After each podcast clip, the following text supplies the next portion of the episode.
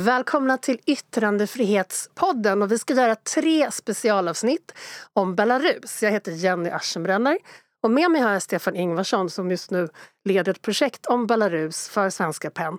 Vad ska du göra? Alltså kort sagt så kan vi säga att vi eh, satsar speciellt på Belarus eftersom så mycket händer, försöker lyfta röster in i den svenska offentligheten och försöker ge stöd till de författare och journalister som behöver det mest just nu.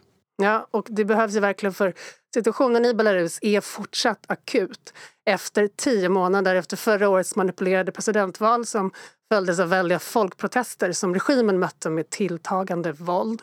Och författare, journalister och konstnärer har spelat en väldigt stor roll i den här proteströrelsen. Så därför vill vi i det här avsnittet prata om hur eh, yttrandefriheten ser ut just nu i Belarus, hur situationen ser ut för yttrandefriheten. Och en väldigt uppmärksammad händelse på det här temat var för ett par veckor sedan då ett passagerarflyg mellan Aten och Vilnius tvingades att landa i Minsk, i Belarus huvudstad. Och den oppositionella belarusiska journalisten och aktivisten Raman Pratasevich och hans flickvän Sofia Sipega, Sapega greps. Och båda anklagas nu för att vara utländska spioner Stefan, vad vet vi om deras situation just nu? Ja, eh, det har spelats in två bekännelsevideor. Den senaste sändes eh, nyligen, en och en halv timme intervju där en tydligt pressad, eh, kanske torterad, kanske på annat sätt manipulerad Raman Pratasevich erkänner brott, anger påstådda med Eh, ja, medarbetare och så vidare. Det viktiga att säga är ju att det, det såg ut som att Lukasjenko-regimen eh, skulle komma undan med den här repressionen i någon sorts medieskugga. Och den här kapningen har fört upp Belarus på eh, den politiska agendan och på medieagendan igen. Mm. Med oss idag så har vi poeten, författaren och kulturjournalisten Inga-Lina Lindqvist med rötter i Belarus. Välkommen! Tack, hej! Eh, vad är det egentligen som har hänt i Belarus den här, den här våren och hur har det påverkat det fria ordet? Alltså just sen årsskiftet? Det, det fria ordet är under attack. Eh, under, ett, under attack på en nivå som vi inte har sett hittills i Belarus. Den stora händelsen eh, under de senaste veckorna det har ju varit eh, nedsläckningen av internetportalen Tutbay med tre miljoner unika besökare. Det ju, har ju varit Belarus största nyhetsportal eh, med balanserad, neutral nyhetsförmedling i olika frågor. Eh, det kom som en chock när redaktionen, hela redaktionen nästan arresterades. Eh, sajten släcktes ner. Varje dag, varje dag när jag läser nyheterna så får jag veta att den och den gripen, redaktören för den och den sajten, helt okända eh, publikationer för mig. Men, men, men attacken är ju pågående varje dag. Ja, vi kan passa på att dra lite fakta här. Att bara i år så har det belarusiska journalistförbundet noterat 115 individuella övergrepp mot journalister i landet. Och under 2020 så greps 480 journalister och 97 av dem hölls häktade. Eh, vi ska också nämna att det finns 460 dokumenterade politiska fångar som sitter fängslade i Belarus och av dem är 35 verksamma journalister. Så det bara statistiken talar verkligen sitt tydliga språk. Eh, vilket utrymme finns det överhuvudtaget för fri journalistik i Belarus idag? Eh, inte så stort utrymme, också utifrån den senaste lagstiftningen eh, som gör det kriminellt att rapportera från eh, demonstrationer eller andra aktiviteter som inte har blivit godkända av myndigheter. Eh, hittills så har ju eh, Polenbaserade eh, stationen Belsat varit aktiv i Belarus och där deras reportrar har kunnat verka. Men eh, just nu så riktas attacken just mot Belsat också så eh, det, det är omöjligt att bedriva journalistiskt arbete idag. Men var någonstans, förlåt Stefan, vad skulle du fråga? Men samtidigt så pågår ju ändå en, ett delande av information. Eh, vi lever ju i en tid där folk eh, filmar med egen mobil, skriver rapporter och det här delas på sociala medier och i appen Telegrams olika kanaler. Hur ser det flödet ut? Du måste ju också ta del av det. Jo, men precis. Eh, mina bekanta i Minsk berättar att de tittar på ehm, eh, statlig tv men sen tittar de också på Youtube där väldigt mycket läggs ut eh, och eh, följer också eh, de olika chattarna och nyhetskanalerna i Telegram. Eh, så att eh, man, som någon uttryckte det, jag, jag tittar på båda och jag drar mina egna slutsatser. Men, men hur tillförlitlig är den journalistiken som kommer ut via telegram? Är det, kan man lita på eh, nyheterna som kommer där? Alltså jag ser att Tutbay fortfarande lägger ut och eh, jag litar på deras eh, journalistiska omdöme. De har fortfarande kvar vissa resurser och rapporterar. Tichanovskas stab, nationella ledaren Tichanovska, hennes stab och, och Antikrisrådet sänder också ut information i sina kanaler på Twitter och Facebook. Den är också tillförlitlig, men samtidigt så ser man ju också att de stora trollfabrikerna också är igång, de, de ryska och ukrainska trollfabrikerna. Så man får vara ganska varsam och sålla bland informationen när man går in och söker av nyhetsflödet på Telegram? Ja, absolut. Men jag tänkte det här att journalister är skottlinjen för och också i hetluften i stora politiska omvälvningar. Det är ju självklart det är ju deras arbete på något sätt. Men i Belarus har det också kommit väldigt mycket rapporter om att konstutövare, författare, konstnärer, alla möjliga inom den kulturella sfären har varit väldigt aktiva och också väldigt utsatta. Kan inte du berätta lite om det? Ja, absolut. Alltså, protesten, den folkliga resningen, eh, den drevs ju väldigt mycket av eh, kulturutövare. Jag minns att i början med de här stora, enorma gatudemonstrationerna så var jag tagen av till exempel hur fantastisk plakatkonsten var som det var som på Majakovskijs tid, en, en blomstring som jag aldrig sett maken till. Det var sånger, det, det var eh, trumslagare i demonstrationstågen, det, det var, eh, det var skådespelare, filharmonikerna spelade på, på trappan till operahuset. Eh, Mamma Mu var på barrikaderna. Ja, den svenska barnboksfiguren Mamma Mu ja. skapad av J.A. Wislander. Hur kommer det sig? Eh, Mamma Mu är populär i Belarus på grund av att det finns ett förlag som specifikt eh, översätter Eh, just svensk och nordisk barnlitteratur. Och där har man ju ordnat eh, teaterföreställningar med Mamma Mu och läsningar för barn till, till de protesterande för, att, för att peppa, för att, för att göra någonting glatt och trevligt. De har till och med haft Julia Wislander på direktlänk till barnen så att, så att Mamma My har också varit med. Men är det just för att konsten har tagit sån plats i protesterna som den är utsatt för attack just nu? Eller hur skulle du beskriva den här repressionen? Attacken var återigen exempellös. Jag får verkligen svårt att prata nu för att jag tänker på alla mina vänner, bekanta, kollegor eh, som sitter fängslade, eh, som har utsatts för, för, för repressalier. Jag, jag tänker på Margaret Atwood, eh, översättare som blev dömd till, till två, två års villkorligt. Men som sitter i husarrest Som sitter i husarrest nu, ja. mm. för, för att hon, liksom hennes moralkänsla liksom, Alltså det, det, är så hemskt, det är så hemskt min, min gode vän som sitter för att han har målat en tavla. Eh, det det Nationalteatern som har fått, eh, där de allra, allra flesta skådespelarna och regissörerna har fått fly. Eh, Nationalteatern är nu befolkad med eh, spillrorna av, av eh, ensemblen som är Lukasjenko-anhängare. Det går inte att upprätthålla någon verksamhet.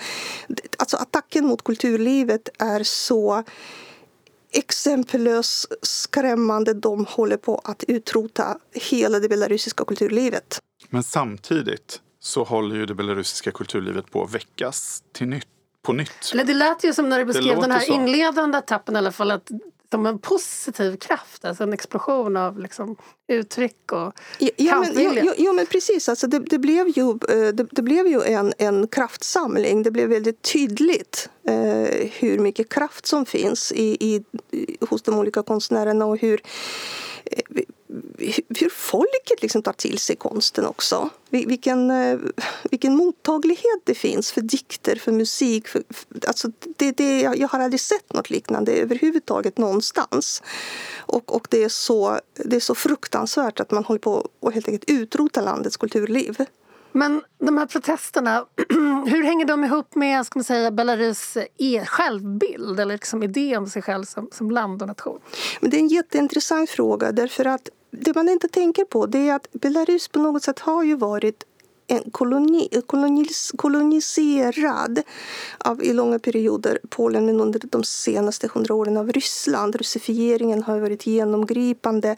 Belarusier har haft svag, eh, svag tynande bild av sig själva som nation. Man har ansett att ja, men vi är väl som ryssar ungefär och språken är så lika. Alltså det har varit väldigt sådär ja, eh, för, Tryggt och, och, och jobbigt och den här resningen har vi inte väntat oss. Ingen har väntat sig det. Jag skrev en text i Aftonbladet dagar efter valet och där jag pratade just om att, om att belarusier har svårt för att samla sig och resa sig och redan dagen efter så fick jag fel.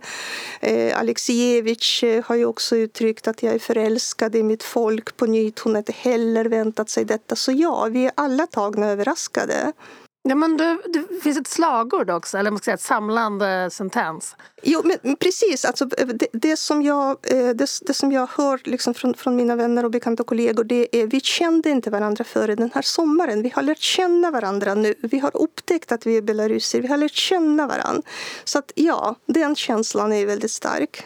Men det här är också intressant tycker jag för att nationalism i andra länder kan ju uppfattas som en antidemokratisk rörelse, som någonting som drar mot fascism snarare än mot demokrati. Men i Belarus, tänker du att den är nödvändig för att för att sträva mot demokrati, kan man säga så? Eh, ja, faktiskt. därför att eh, det, är en fredlig rörelse, det är en fredlig folkresning och fredlig protest. Ehm, till skillnad från till exempel grannlandet Ukraina där det finns en stark polarisering mellan rysktalande och ukrainsktalande, mellan öst och västlig del, så finns inte den polariseringen i Belarus. Det är okej okay att prata ryska, det är okej okay också att prata belarusiska. Många vill lära sig språket på nytt. Det finns en starkare sammanhållning i samhället kring de här frågorna. Det här är inte hotfullt för någon, det här riktar sig inte mot någon annan grupp. Ja, men om vi ska försöka förstå eh, vad den här repressionen faktiskt handlar om mot kulturen just nu. Alltså censur har ju varit en del av den belarusiska verkligheten i många år. Eh, om du skulle ge ett exempel på någonting som åskådliggör skillnaden mellan hur det var för kanske två, tre år sedan och hur det är nu denna vår och försommar? Absolut. Jag kan tänka så här att jag var i Belarus, jag har besökt Belarus varje år med olika kulturella aktiviteter och de har ju varit regimkritiska. Men det värsta som kunde hända det var att man inte fick en lokal. Det var inte att man kastades i fängelse och torterades. Så det är ju en eskalering som, som, som är bisarr. Den är hemsk. Ser du något hopp i någon ända av det här just nu? Ja, jag måste se det. Jag måste se det. Jag, jag, jag uppfattar att folket är, har bestämt sig. Jag uppfattar en stark vilja till förändring. Det här har pågått i tio månader och eh, det tar inte slut. Mm. Det känns ju som att folk har politiserats och radikaliserats av det som har hänt. Och kanske även kulturvärlden. Eller? Ja, Alltså risken finns att om det här förtrycket fortsätter så är jag också rädd för radikalisering. Att någon kanske sitter och tänker att fredliga protester har inte hjälpt. Jag tror att jag behöver göra någonting annat och, och det är väldigt farligt och det är därför man behöver omvärldens stöd för att kunna upprätthålla eh, icke-våldsprincipen som har varit rådande fram tills nu. Tack så mycket Inga-Lina Lindqvist. För att få en bättre bild av hur vardagen i Belarus håller på att förändras ska vi ringa upp författaren och översättaren Aljona Kazlova i Minsk. Aljona, hör du mig nu bra från Minsk? Ja, jag hör dig Stefan. Hej. Hur skulle du beskriva läget just nu om du skulle vända dig till svenskar som har en väldigt vag uppfattning om hur Eh, situationen i Belarus har förändrats under de senaste månaderna? Vad skulle du säga är stämningen just nu? Eh, jag var chockad och kände mig nästan hopplös när jag läste att politisk fånge Stepan Latipov typ flera dagar sedan knivhuggit sig i domstol eftersom han var hotad och hölls i mycket hårda miljön. Igår hade jag en orolig känsla i magen när jag såg svarta märken på händerna på Roman Protasevich. Han är en gisslan filmade på kameran av Stats-TV Videon utsändes på storskärmen på Kastrichniska torg inför republikens palats och många belarusier jämförde det med offentlig avrättning. Och jag är orolig för Maria Kolesnikova. Igår det var information att hon filmades mot sin vilja av Statskanalen. Vi vet inte varför. Denna videon var inte på tv än. Och filmades mot sin vilja, på vilket sätt då? I, i, I fängelse. I fängelse. Ja. Alla de här bilderna kommer ju till eh, vanliga belarusier via oberoende medier eh, på nätet och i, i olika appar. Men hur, hur fungerar stämningen vanliga belarusier emellan idag på gator och torg? Vad, vad skulle du beskriva som en sorts stämning i Minsk just nu? Ja, mm, när jag går till och från biblioteket till exempel där jag sitter med dator och arbetar på översättning eh, ser jag ofta eh, polispatruller på gator. De är unga män som går i tre. Ibland har de på sig uniformen som ser ut som militär. Man kan se dem överallt. Eh, jag försöker att inte passera förbi dem och jag undviker ögonkontakt med dem. Jag vet att de kan göra vad som helst med vem de vill. Eh, jag försöker alltid hålla min telefon ren från allt som kan misskreditera mig. Samtidigt ser jag på väg från biblioteket samma protestgraffiti i flera veckor. Det betyder att regimen inte kan styra alla motståndstecken, att uh, de inte kan kontrollera allt. Natur... Och vilka, vilka, ja. vilka områden är det de inte kan kontrollera? Jag menar, vad finns det för små utrymmen av um, meningsutbyte och, och uh, diskussion belarusier emellan idag? Eh, men folk pratar, folk kommenterar. Man kan inte kontrollera tänker till exempel. Och man kan inte arrestera alla.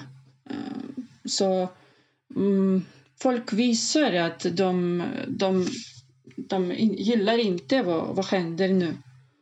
Och naturligtvis finns det rädsla i luften. Kan du ge ett exempel på hur folk fortfarande kan visa sitt motstånd? Uh, då, jag ser den protestgraffiti som de nya uh, dyker upp och gamla, de är inte uh, försvinner. Det betyder att det finns uh, ännu polis, de promenerar på gatorna men uh, graffiti fortfarande är kvar till exempel. Så det är sådana tecken, graffiti på murar och väggar ja. och andra, andra tecken på att motståndet fortsätter? Ja. Hur ser du, du sitter nu som du beskrev och översätter på ett bibliotek. Hur ser du att situationen för författare och översättare har förändrats? Uh, de påverkas både på samma sätt som alla andra och specifikt vissa häktades och satt sina dagar i fängelse. Andra blev deprimerade, andra lämnade landet. Några som jag är eh, fortfarande i landet och skriver brev till politiska fångar. Två märkbara förlag, Januszkiewicz och Nyhetsbor eh, och eh, bokdistributören Alesia Odaha, får sina konton arresterade. Några av deras böcker är examinerade för extremism. Det, alltså det, var, det var razzior mot de här förlagen och man beslagtog deras datorer, stämmer det? Ja, det stämmer. Mm. Det betyder att de hade svårt att arbeta. Och för mig till exempel innebar det att jag under lång tid inte kunde få betalt för uh, boköversättning som jag gjorde. Mm. Jag kan beskriva lite så det är små förlag som helt enkelt försvinner, deras verksamhet försvinner och det påverkar dig som översättare. Eh, har, ja. Vad, är, vad är viktigt nu? Känner du av eh, omvärldens reaktioner? Eh, känns det viktigt att, att, se omvärldens reaktioner när man är i Belarus just nu? Mm, jag ser att många är missnöjda och arga över världens svag reaktion på repressionen och våld i Belarus.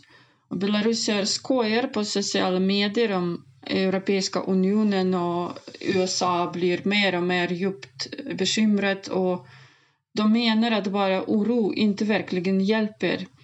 Men... Du, du, menar då att eh, djupt bekymrad är bara en tom fras som politiker ja, använder? Ja. ja. ja, men eh, naturligtvis om de ser starkare reaktioner som sanktioner är de glada. Och jag känner hopp och lättnad när jag ser att världen bryr sig. Uh, det, är, det är uppenbart att det gör myndigheterna mer obekvämt att begå brott mot oss om de åtminstone observeras, om det finns vittnen uh, utifrån som tålar på en personlig nivå, jag känner mig sårad när mina utländska vänner på Facebook ignorerar de nyheter som jag delar.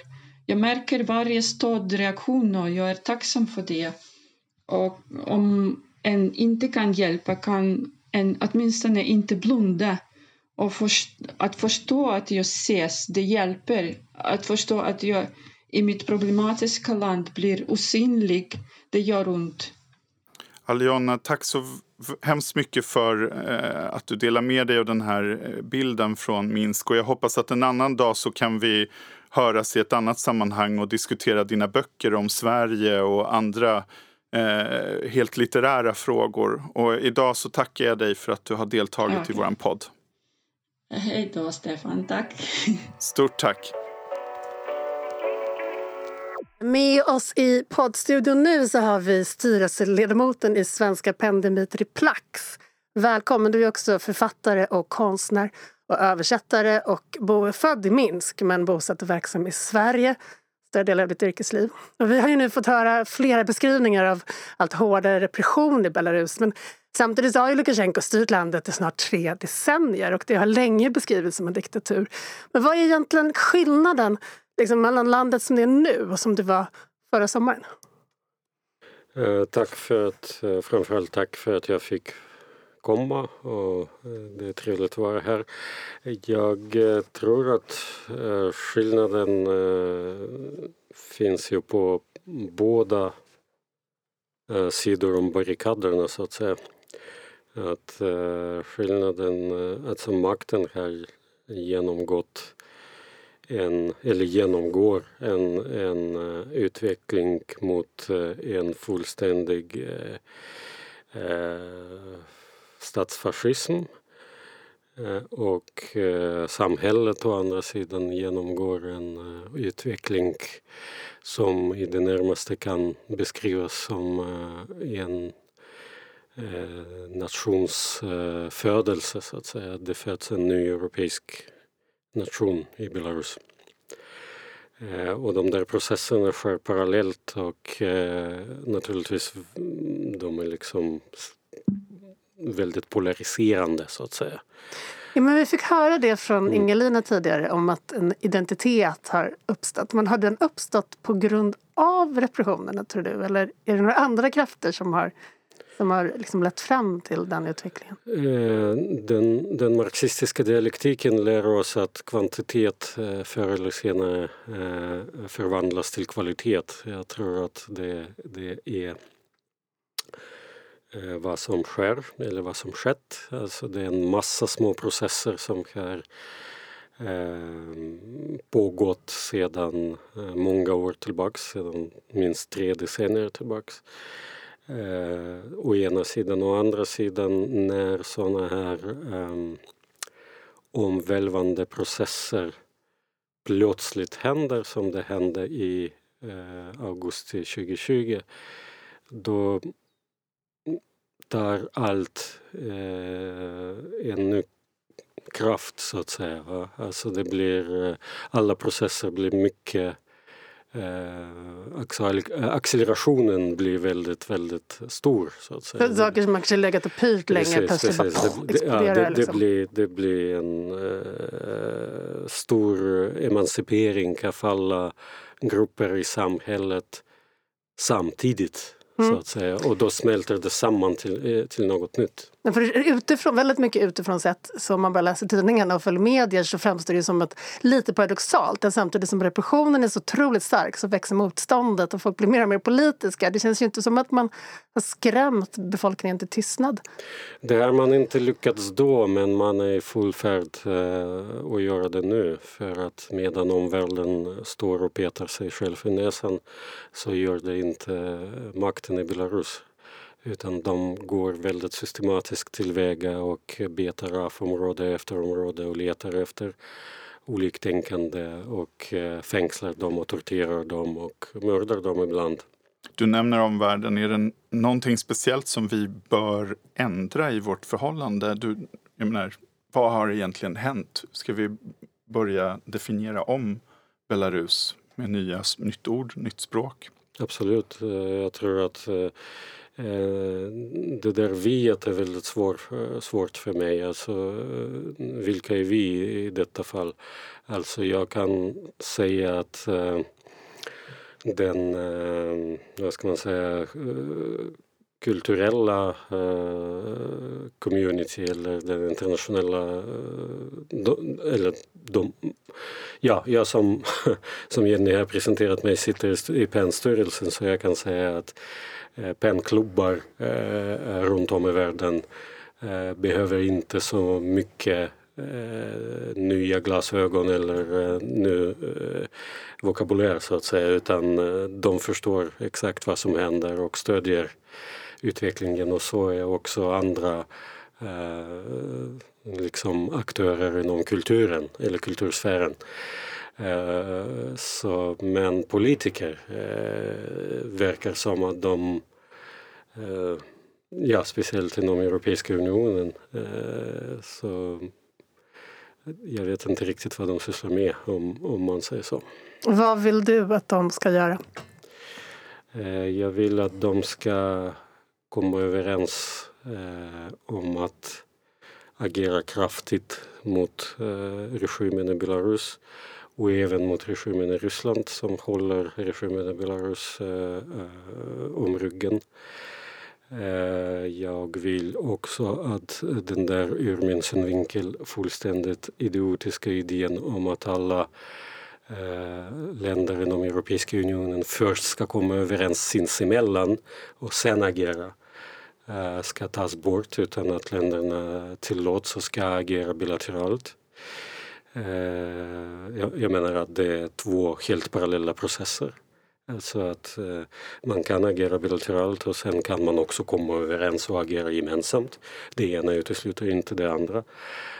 Det handlar om politisk vilja helt enkelt i min värld, tror jag. Och den politiska viljan eh, kan jag nog konstatera saknas eh, inom Europeiska unionen just nu.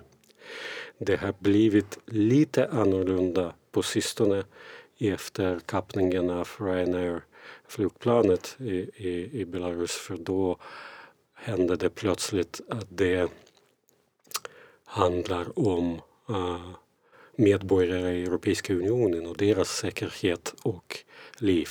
Så då, när det sker någonting inom EU så, ja, så precis, blir det liksom precis. akut? Så, ja, ja. Så, länge, så länge det var bara eh, liksom, eh, små obegripliga eh, belarusier som ingen vet vilka de är. Nu var det liksom så och så men nu är det lite annorlunda. Men ändå, även, eh, även eh, efter detta så tror jag att, eh, eller jag ser eh, att eh, det är fortfarande bara ord.